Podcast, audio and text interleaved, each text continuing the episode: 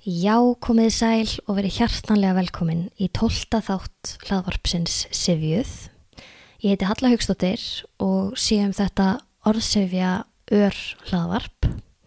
Það er langt síðan síðast, en nú fyrir við aftur að stað og ég hlakka mikið til. Það er eiginlega þannig að þessi tólti þáttur er sjálfstætt framhald á því sem ég fjallaði um í lók síðasta þáttar, ellesta þáttar. Þema þar var svefn og í lókin kom ég inn á það að við málnótundur við þurfum ekkert alltaf að leiða hugan að eiginleiri merkingu þeirra orða sem við nótum þegar við nótum þau. Maður myndi kannski halda að fórsendan fyrir því að gera sér skiljanlegan og skilja aðra sé svo að maður leiði hugan að grunnmerkingu þar sem maður er að segja en það er engin fórsenda. Við þurfum ekki endilega að velta fyrir okkur hvað tiltekki orð þýðir í grunninn þegar við nótum það. Og það sem meira er við þurfum ekki einn svona að skilja hvað orð þýðir í grunninn til þess að geta nota það. Og nákvæmlega þetta býr til svona, já, moment. Já, vá, ég hef notað þetta orð sen ég var lítið barn en þetta er í fyrsta skipti sem ég velti fyrir mér hvað ég er í raun að vera að segja. Ég hef haft orðið á vörunum í fleiri fleiri ár og fyrst núna er ég að staldra við grunnmerkinguna. Og í hver skipti sem maður á svona já, moment, þá vil ég meina að heimsmynd manns taki örleilum breytingum og það er það fallega við allt saman að mínum mati. En já, það má kannski segja að þessi þáttur sé allavega til að byrja með tilengaður svona, já, momentum.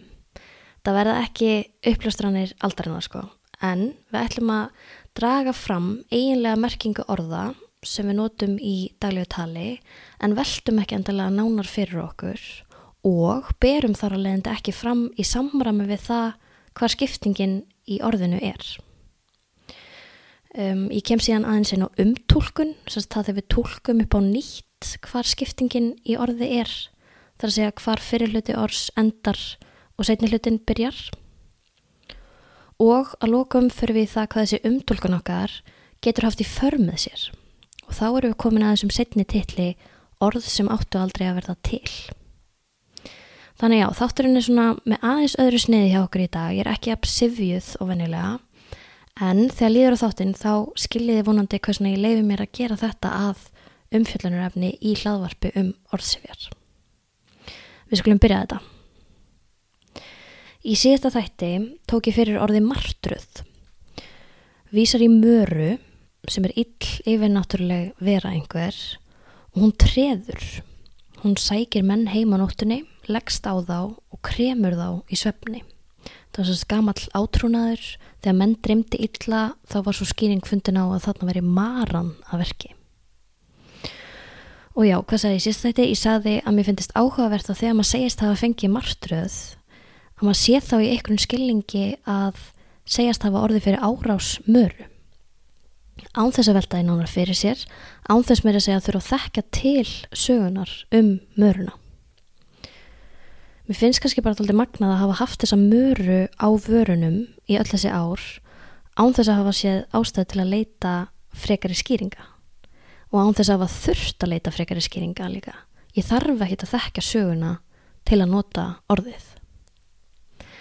Og kannski er eitt síður áhugavert að, að þó maður þekki vel söguna að þá er ekki eins og eitthvað svona möru árás standir manni fyrir hugskott sjónum í hvers skipti sem maður stiðst við orðið orðið vísa bara í slæmandraum eða slæma upplifun og við látum okkur það næja. Við látum okkur það næja þó við séum með möruna og tröðina á vörunum. Ég kom líka inn á það í síðasta þætti að það er eins og frambröðurinn komi upp um okkur innan gæsalappa. Ef við bærum orðið marsturu fram í samræmi við upprunan eða þessa einlegu merkingu þá leiðum við áherslu á að skiptingin í orðinu er á milli mar og tröð. Við legðum áherslu á skilin millir þessara orðluta við, við segðum martröð. En fyrst við þurfum ekki að leiða hugan að því hvernig orðið er hugsað þegar við notum það þá segir það sér sjálft að við leiðum hugan heldur ekki að því hvað skiptingin í orðinu er og framburður okkar ber það smerki Ég hefði hugsað mér að nefna nokkur fleiri svona orð þar sem jú, við skiljum hugsununa sem leikar að baki en við leiðum hugan ekki endilega aðinni á meðan við tölum og það kemur út í framburði. Ef við bærum öll orð fram í samræmi við eiginlega merkingu þeirra þá legðum við til dæmis ríkari áherslu á skilin í orðinu kúriki. Við hefðum örlítið skýrara hlið á milli orðluta og gæfum okkur meiri tíma. Við segðum kúreki.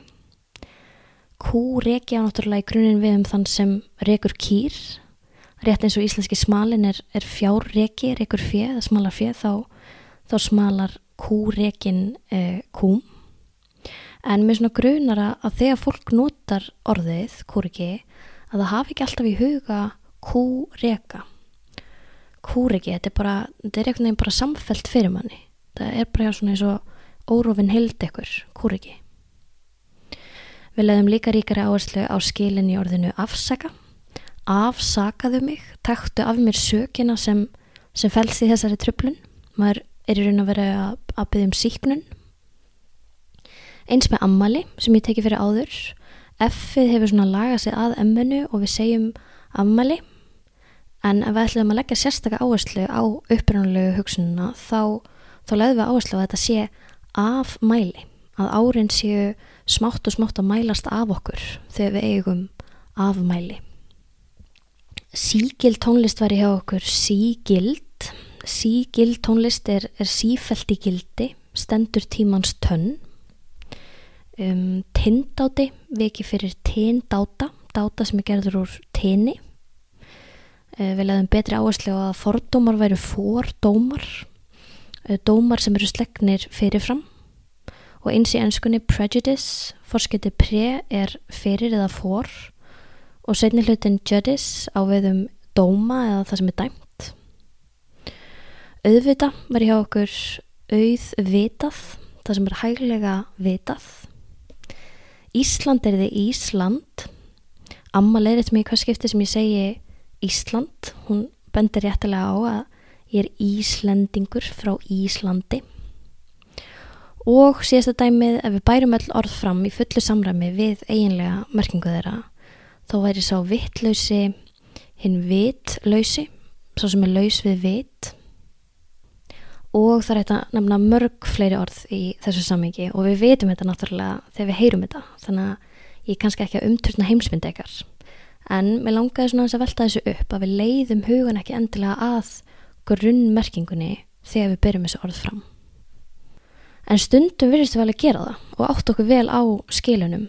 Og hér get ég þetta gaman spætt við í sambandi við síðast árið sem ég nefndi vittlaus þar er þetta mitt svona, við leiðum hugun ekki endilega að grunnmerkingunni þegar við byrjum orðið fram, við leggjum ekki áherslu á skilin að þau séu á milli vit og laus. Við segjum bara vitlaus. En síðan segjum við litlaus.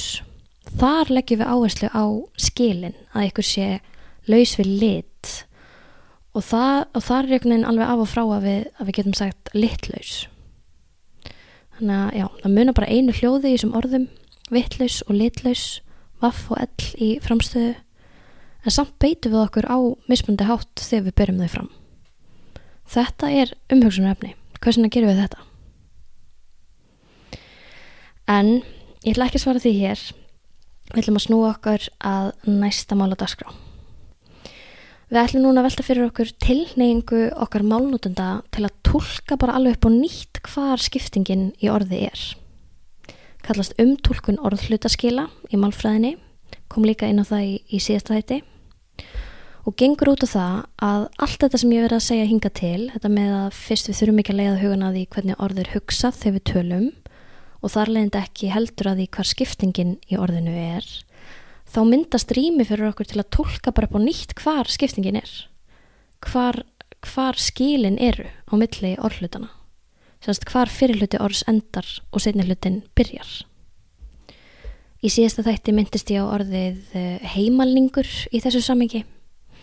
Það er ekkit skrítið að við berum orðið fram heima og lingur. Við þekkjum heima og við þekkjum lingur en skiptingin er á melli heim og alningur. Það áttuð þann sem er alin heima. Ástríða er orð sem ég nefndi líka. Rétt skipting er í rauninni ástríða en ekki ástríða. Orði lýsir þess að því sem stríðir á hugan. Grunar að margir tengja þetta við ást en ef ég hef ástríðu fyrir matagerð þá hefur það ekkert með matarást að gera. Matagerð stríðir á huga minn. Ég ræði ekki við það að, að þarna liggi áhugin. Og hér ætla ég að bæta við orðinu morgunsár. Morgunsár, nafnorð í kvorukinni, notaði orðasambandinu í morgunsárið. Samsett úr myndunum morguns og ár, samber árla, árla morguns er, er snemma morguns og árrisull er svo sem fer snemma fætur, árbítur er fyrsta mál til dagsins. Þannig að í morgunsárið hefur þannig ekkert með, með sár að gera, heldur er þetta ár morgunsins eða upphaf morgunsins, dagrenning. Ár var alda, segir í Völusbá, merkir í, í upphafi tímans eða í upphafi aldana. En með grunar að margir umtúlki orðlutaskilin hér, tólki upp á nýtt hvar skiptingin er og haldi að, að átt sé við sár. Og það er líka alveg raugrætt, það er ekkert skrítið að draga þá álöktun og ég held að maður geti verið aldrei snöggur að finna eitthvað henni til stuðnings. Já, heyrðu, við erum myndið með sár, sár náttúrulega opnast, svona eins og dagurinn er að opnast, já, hlýtur að vera sár. Dögunin er kannski svona eins og opið sár. Eða þá maður hugsi, heyri já, nótt og dagur það eru andstæður. Kannski er eitthvað sára myndast þarna út af, út af þessum árekstri nætur og dags eða eitthvað, eða eitthvað skilji. Maður er fljótur að sannfara sjálfa sig með svona hugrenningar tengslum en hér er svona sé átt við ár í merkingunni eitthvað svona eins og upphaf en ekki, en ekki sár. Og hérna get ég komið inn á að svona umtólkun býr náttúrulega til kjör aðstæður fyrir orðalegi Jónas Svavár skáld er eitt þeirra sem hafa séð sér leika borði og nýtt sér svona umtólkun í skrifum sínum. Hann gaf á hljóðabók árið 1952 sem nefnist Það blæðir úr morgunsárinu sem er þá vísun í morgunróðan á himninum þegar sólinn er að rýsa. Í dagrenningu, himnin er þá rauður eins og sár sem, sem blæðir úr.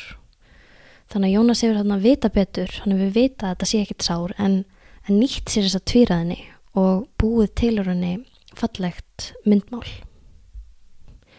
Guðrún Helgadóttir, bandabókahöfundur, hún nýtti sér líka svona umtúlkun í sinni sköpun. E, í sögunum af Jóni Otti og Jóni Bjarnar kalla tvíbratnir ömmu sína ömmu drega. Kemur fram í fyrstu bókinni að Amma þeirra starfar hjá útvarpinu, hún er erindreki hjá útvarpinu, flitur erindi í útvarpsdagskráni og þeir, Jón Óttur og Jón Bjarni þeir, þeir skilja þessi svo að amma þeirra hljóti þá bara vera einhver tegund á drega og kalla hana eftir því. Þannig að tvíbrannir þeir, þeir umtúlka hvar skilin í orðinu erind reki er, svo sem rekur erindi, heyra bara dregi og eru síðan ekkert að spá meir í það, amma er bara eitthvað svona dregi og uh, þannig er það. Og þetta finnst mér vera svona dæmi um snilli guðrunar, hún hafði einhvern veginn einstakt lag á að skrifa þannig að fullornir hefur líka gaman af. Og bækuna verða fyrir vikið sameinleg afþreng ungra sem aldna. Og svo er það líka umtúlkun orðlutaskila eða endurskilgningin á því hvar skiptingin í orði er sem byrði að baki á sjónvastátturinn Krittsild fjagn uppsitt. Og allur næsti þáttur er undirlæður af sögunni um það, þannig að ekki missa því. En nú erum við komin að síðasta umfyllunarefni dagsins og það snýr einmitt að setni hluta þáttatitilsins orð sem áttu aldrei að verða til. Hvað ætli ég eigi við hér? Nú erum við búin að fara yfir þessa tilneying okkar til að umtúlka hvað skilin í orði eru og ég leiði mér að gera það að umfyllunarefni í hlaðvarpi um orðsifjar vegna þess að það er hægt að reykja sum orð aftur til umtólkunar. Hún getur orðið hluti af orðsefjunum. Sanns það hvernig við tólkum eða skiljum orð og einmitt getum svona endur skilgreint bara hvar skiptingin í þeim er. Þetta getur haft í förmið sér að þau bara breytast og leiða af sér ný orð. Orð sem áttu þá aldrei að verða til ef svo má orðið komast. Það er að segja orð sem hefðu ekki orðið til ef okkar tólkun hefði ekki flext fyrir. Í ennþá einfaldaðara máli orð sem urðu til við miskilling. Nú hlíti ég að þurfa að taka dæmi. Eh, plantan njóli er upphaflega plantan jóli. Ennið í upphafi er bara leif af því sem koma undan.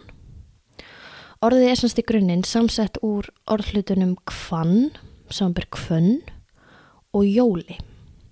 En við heyrum þetta orð, kvannjóli, og höldum að hann að sé á ferðinni njóli, ekki jóli, vegna þess að ennið í kvann fer hann á undan. Þannig að þegar þessum fyrirluta er sleft kvann, sem er nú oftast, þá verður ennið eftir og færist framann á setnihlutan, jóla.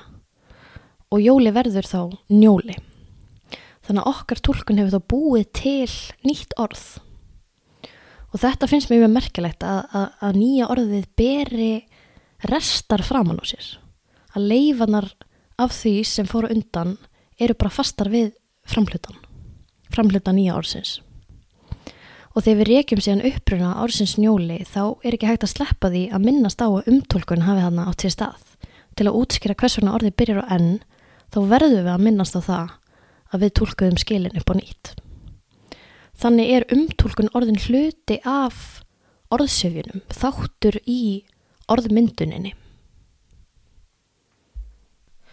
Við getum líka nefnt tökku orðið blogg í þessu samengi, fáum það inn í íslensku úr ennsku og í grunninn er það samsett úr orðhlutunum web og log. Web í merkingunni vefur og log samber það að logga sig inn. Og hér er það sami på teiningnum. Við heyrim orðið weblog og skiljum það sem svo að hér séum að ræða blog en ekki log vegna þess að bíð í web fyrir hann á undan. Þannig að okkar tólkun býr til nýtt orð. Við færum bara bíð í web yfir á sinni hlutan, log og úrverður blogg. Þannig að bíði upphafi orðsins blogg er bara svona til vittnis um það sem kom á undan. Svona svipa dæmi. Og svo eru mörg dæmi um þetta að fyrsta hljóðið í orðið sé leif af því sem koma undan. Annarkvort leif af fyrirhlutanum í orðinu eða þó leif af orðinu á undan. Það getur líka alveg gæst. Við, við umtólkum ekki bara hvað skilin eru innan orðs, heldur getur við líka alveg eins umtúlkað hvað skilin eru á milli orða, hvað eitt orð endar sem sagt og hitt byrjar. Dæmi, um, það sem við þekkjum í dag sem fornafnið þið var áður yð, sem sagt ekki með þotni í upphafi. Og hluti af ástæðinu fyrir því að fornafnið hefst í dag á þotni, að við séum hann með þotni í dag, er talin verið að sá að það var svo algengt að orða á undan endaði á eði. Þannig að eð hoppar yfir á næsta orð og verður að þotni í framstöðu. Þetta er svona talin, talin hluti af ástæðinni. Og svo er það eins með mörg orði í ennsku, stundum og fólk erfitt með að átta sig á hvað er greinirinn og hvað er sjálft orðið. Eins og ennið í upphafi orðsins nickname er í grunninn til dæmis bara rest af greininum an. Og svo getur það líka farið í hináttina þannig að orð sem byrja réttilega á enn geta mist ennið vegna þess að fólk tólkar þessu svo að ennið sé hluti af greininum á undan, an. Og svo framvist, það er hægt að nefna fullt að dæmum í, í, um þetta. En við ætlum að setja punkt hér. Ef ég náði þessum loka hluta að koma ykkur í skilningum að, að okkar tólkun á málinu geti haft áhrif á þróun þess, að umtólkun getur orðið þáttur í orðmyndun og þannig hluti af orðsefjum, ef, ef ég náði þessu, ef mér hefur tekst þetta, þá gengir sáttur á borði því það er eiginlega svona ástæðan fyrir því að, að ég legði upp með þetta efni til að byrja með. Ég vonaði að hafið haft gaman af og ég þakka ykkur bara kella fyrir hlustun. Bendi ykkur á næsta þátt sem er í rauninni viðauki við þennan, þar fyrir við í kryddsíldina. Við heyrumst þá.